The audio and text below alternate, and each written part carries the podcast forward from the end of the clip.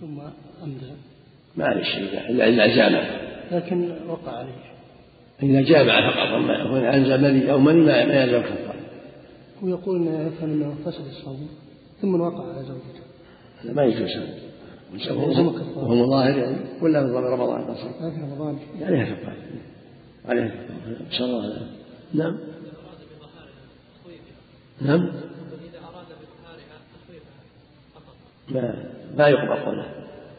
ما تقال هي ظهر كظهر أمه وعليه حرام كأمه وما فهو ظهار سواء قال أردت تخويف ولا ما أردت تخويف الله تكرر الجماع أكثر من مرة. ولو كان تستقبل كفارة بس عليها التوبة يكون عاصي لله في كل جماع حتى يكفر. وإذا ما يستطيع يفعل الكفارة تبقى يمين بين في ذمته حتى يجدها. ويمتنع من الزوجة حتى يجدها. باب اللعان. عن ابن عمر رضي الله تعالى عنهما قال سأل فلان فقال يا رسول الله أرأيت لو أن أرأيت أن لو وجد أحدنا امرأته على فاحشة كيف يصنع؟ إن تكلم تكلم بأمر عظيم. وإن سكت سكت على مثل ذلك فلم يجب. فلما كان بعد ذلك أتاه فقال إن الذي سألتك عنه قد ابتليت به. فأنزل الله الآيات في سورة النور فتلاهن عليه ووعظه وذكره وأخبره أن عذاب الدنيا أهون من عذاب الآخرة قال لا والذي بعثك بالحق ما كذبت عليها ثم دعاها فوعظها كذلك قالت لا والذي بعثك بالحق إنه لكاذب فبدأ بالرجل فشهد أربع شهادات بالله ثم ثنى بالمراد ثم فرق بينهما. رواه مسلم. وعنه رضي الله عنه أن رسول الله صلى الله عليه وسلم قال للمتلاعنين حسابكما على الله. أحدكما كاذب. لا سبيل لك عليها. قال يا رسول الله ما لي فقال إن كنت صدقت عليها فهو بما استحللت به بما استحللت من فرجها. وإن كنت كذبت عليها فذاك أبعد لك منها. متفق عليه. وعن أنس رضي الله عنه أن النبي صلى الله عليه وسلم قال أبصروها فإن جاءت به أبيض سبطا فهو لزوجها وإن جاءت به يكحل جعدا فهو للذي رماها به. متفق عليه. بالله التوفيق صلى الله وسلم على رسول الله وآله وأصحابه ومن اهتدى به أما بعد هذا الباب فيما يتعلق باللعان. واللعان مصدر لعن يلائن لعانا وملاعنة يعني رمى زوجته بالفاحشة ولعنها بالشهادات الأربع والخامسة فيها اللعنة سميت لعان لأن فيها اللعنة ومعنى ذلك أن الرجل قد يدعي على امرأته أنها أتت الفاحشة وليس عنده بينة. فماذا يفعل؟ إن طلبت الحد يقام عليها الحد ثمن جلد حد القذف فكيف يتخلص؟ جعل الله له مخلصا باللعان إما أن يلاعن وإما يقام عليه حد القذف إذا رماها وأنكرت. ولهذا لما سأله صلى الله عليه وسلم أمسك عنه وكره مثل هذه المسائل. ثم جاءه الرجل فقال يا رسول الله إن الذي سألتك عنه قد ابتليت. لأني قد رأيتها فعلت الفاحشة. فوعظه النبي وذكره واخبره أن عذاب الدنيا هو الحد وهو من عذاب الآخرة. قال والذي بعث ما كذبت عليها. ثم أحضر المرأة وعظها وذكرها وقال إن عذاب الدنيا هو حد الزنا فهو من عذاب الآخرة. فقالت والذي بعث الحق إنه لكاذب. كل واحد كذب الآخر. فتلاعن عند النبي صلى الله عليه وسلم وشهد الرجل أربع شهادات بالله إنه لمن الصادقين وشهد الخامسة أن لعنة الله عليه إن كان من الكاذبين. ثم هي شهد أربع شهادات بالله إنه لمن الكاذبين. والخامسة أن غضب الله عليها إن كان من الصادقين وفرق النبي بينهما. فقال له الرجل يا رسول ما لي؟ قال ما لك. إن كنا صدقت عليها فقد استهلت من فرجها وإن كنت كذبت عليها فذاك أبعد لك منه. والرجل طلق بعد الدخول ساقت المال كله. وهذا فراق بعد الدخول فهذا المال كله. وإن كان كاذب فهو أبعد وأبعد لأن جمع لها بين الظلم ويريد أخذ المال. وقال حسابكم على الله. يقول لها النبي صلى الله عليه وسلم الله الذي يتولى حسابكما. أحدهما كان. يعني واحد منهم بعينه واحد كاذب لكن ما يدرى من هو هل هو الزوج أو الزوج هذا يقين واحد كاذب فدل ذلك على أن الحكم هكذا كما بينه الله جل وعلا. في قوله سبحانه والذين يأمرون أزواجهم يعني يرمونهم بالفاحشة. ولم يكن لهم شهداء إلا أنفسهم ليس عندهم بينة. فشهادة أحدهم أربع أربع شهادة بالله إنه لمن الصادقين والخامسة أن لعنة الله من الكذب ويدرأ عنها العذاب أن تشهد أن تشهد فعل يترى ويدرأ عنها العذاب إلى الحد أن تشهد أربع شهادة إنه لمن الكاذبين. والخامسة أن تشهد الخامسة أن غضب الله عليه كان من الصادقين. هذا حكم الله في من؟ رمى زوجته بالفاحشة. وفيه من الفوائد أنه لا سبيل له عليها بعد ذلك تحرم عليها على التأبيد. ما عليها لا بعد الزوج ولا غيره تحرم عليها بعد هذه المصيبة العظيمة لا تحله أبدا. تكون محرمة على التأبيد كمحارمه لكن ليست محرما.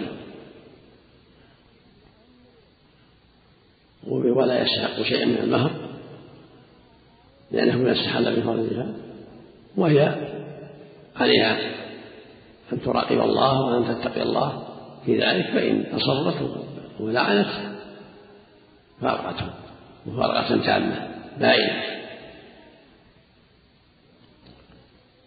وفي الحديث الثالث دلالة على أن أن الشبه له أثر وأن إن جاءت به على شبه المرمية به فهو له وإن جاءت به على شبه الزوج فهو له لكن ما يلحق بهم شرعا. لأجل اللعان ولهذا في الرواية الأخرى لولا الأيمان لكان لي ولا حشا يعني الأيمان أيمان اللعان لكن في هذا فضيحة لها إذا كانت جاءت به على شبه المرية المرمية به والعياذ بالله. أما إن جاءت به على شبه الزوج فهو على مقتضى صدقها وكذبه. ولكن الحكم على ما لا يغير الحكم. الحكم على مثل ما صلى الله عليه وسلم لولا الايمان لكان لي ولا شيء فلا ينتظر الولادة بل يحكم بينهما باللعان ولا يعتبر الشبه. نعم كما يأتي كما يأتي في الحديث الأخير في آخر الباب. لعله نزعه عرق اللهم صل على محمد. نعم.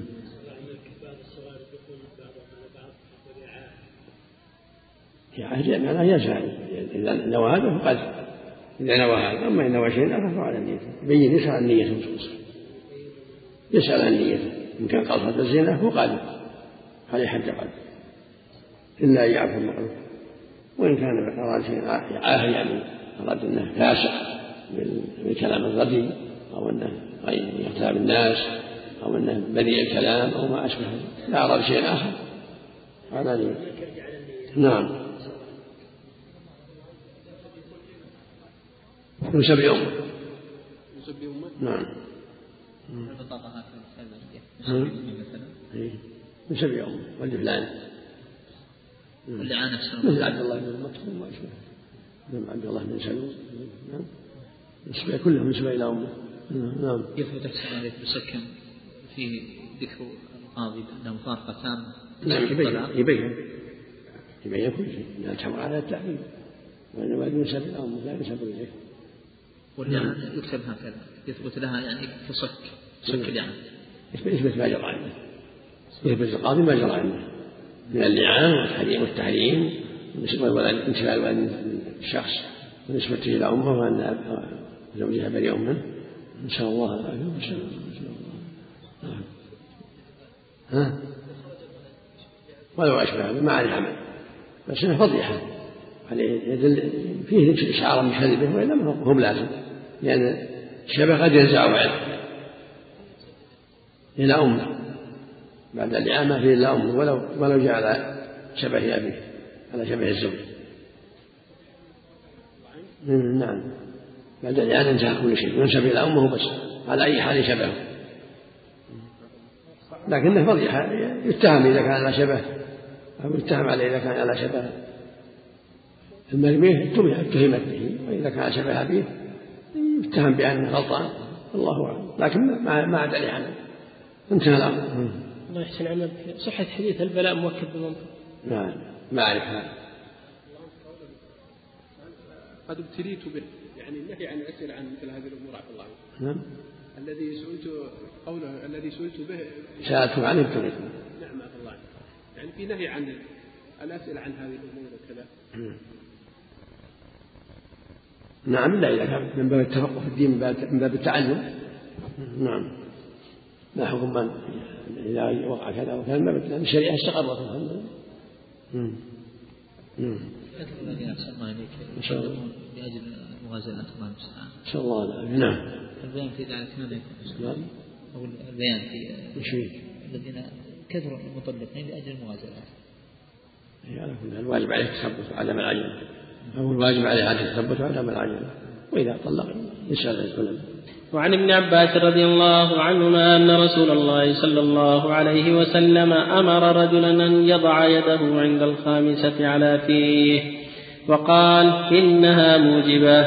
رواه أبو داود والنسائي ورجاله ثقات. وعن سهل بن سعد رضي الله عنه في قصة المتلاعنين. قال فلما فرغا من تلاعنهما. قال كذبت عليها يا رسول الله إن أمسكتها. فطلقها ثلاثا قبل أن يأمره رسول الله صلى الله عليه وسلم. متفق عليه. وعن ابن عباس رضي الله عنهما أن رجلا جاء إلى النبي صلى الله عليه وسلم فقال إن امرأتي لا ترد يد لامس. قال غربها. قال أخاف أن تتبعها نفسي. قال فاستمتع بها. رواه أبو داود والترمذي والبزار ورجاله ثقات. وأخرجه النسائي من وجه آخر عن ابن عباس رضي الله عنهما بلفظ قال طلقها. قال لا أصبر عنها. قال فأمسكها. وعن أبي هريرة رضي الله عنه أنه سمع رسول الله صلى الله عليه وسلم يقول حين نزلت آية المتلاعنين أيما امرأة أدخلت على قوم من ليس منهم فليست من الله أيما امرأة أدخلت على قوم من ليس منهم فليست من الله في شيء ولم يدخلها ولم يدخلها الله جنته وأيما رجل ولم يدخلها ولم يدخل بالميم نعم. ولم يدخلها الله ولم يدخلها الله جنته وأيما رجل جحد ولده وهو ينظر إليه احتجب الله عنه وفضحه على على رؤوس الأولين والآخرين. أخرجه أبو داود والنسائي وابن ماجه وصححه ابن حبان. وعن عمر رضي الله عنه قال من أقر بولده طرفة عين فليس له أن ينفيه أخرجه البيهقي وهو حسن موقوف. وعن أبي هريرة رضي الله عنه أن رجلا قال يا رسول الله إن امرأتي ولدت غلاما أسود. قال هل لك من إبل؟ قال نعم. قال فما ألوانها؟ قال حمر. قال هل فيها من اوراق قال نعم. قال فأنا ذلك. قال لعله نزعه عرق. قال فلعل ابنك هذا نزعه عرق. متفق عليه. وفي رواية لمسلم وهو يعرض بأن, بأن ينفيه. وقال في آخره ولم يرخص له في الانتفاء منه. الحمد لله. وصلى الله وسلم على رسول الله وعلى آله وأصحابه ومن اهتدى بهم أما بعد فهذه الأحاديث كلها تتعلق بالملاعنة واللعان. وجحد الأولاد. الحديث الأول أنه صلى الله عليه وسلم أمر في وقت اللعان أن يضع رجل يده على فم الملاع عند الخامسه وقال إنها الموجبة. هذا في تحذير تحذير من الاستمرار في اللعان وتخويف الملاعن لأنه قد يكون كاذبا فيستحق اللعنة والعياذ بالله.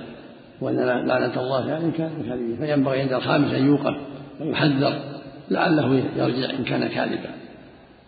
لأنها موجبة لأنه يقول الخامس هو لعنة الله عليه إن كان من الكاذبين ففي هذا التحذير من الكذب في اللعان ورمي البريئة بما حرم الله.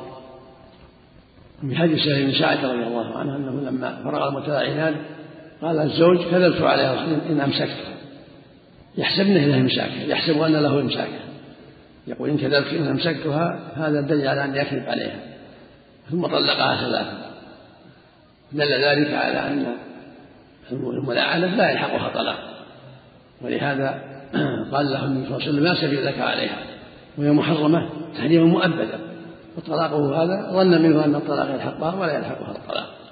ولهذا لم يقل له النبي صلى الله عليه وسلم في هذا شيئا لأن الطلاق لا لا قيمة له بعد ثبوت التلاعب. لأنها بهذا تكون باينة بينة كبرى لا يلحقها طلاق ولا غيره. وفي الحديث الآخر دلالة على أن على أن من ألحقت بقوم ولد ليس منهم فقد تعرض في غضب الله وعقابه. فالواجب الحذر وهكذا الرجل يحذر أن يجحد ولده وينظر إليه وأن في هذا الوعيد الشديد فالواجب على المرأة أن تتقي الله وأن لا تلحق بزوجها وغيره من ليس منه وأن تصون فرجها. وهكذا الرجل يجب عليه الخير في ولده وأن يحذر جاره بأسباب لا تسوغ له ذلك.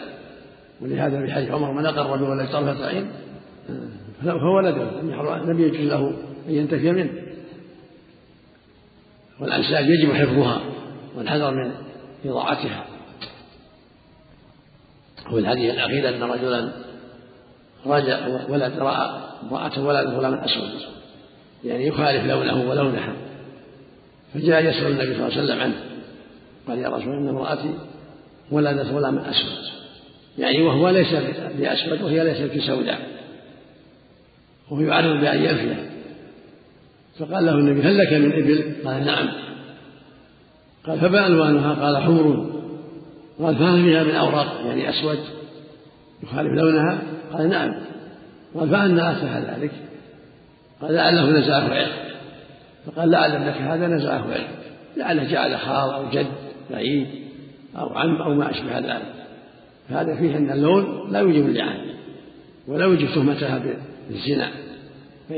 فالولد قد يأتي على غير صورة أبيه وعلى غير صورة أمه بل على شبه آخر بعيد من عم أو خال أو جد بعيد. ولهذا قال لعله نزعه عرق ولم يرخص في الانتفاء منه. فكون الولد يأتي على غير شكل أبيه وأمه بل يخالفهما لا يجوز للزوج أن يلاعن من أجل هذا أو يتهمها بالهجور وهي بريئة.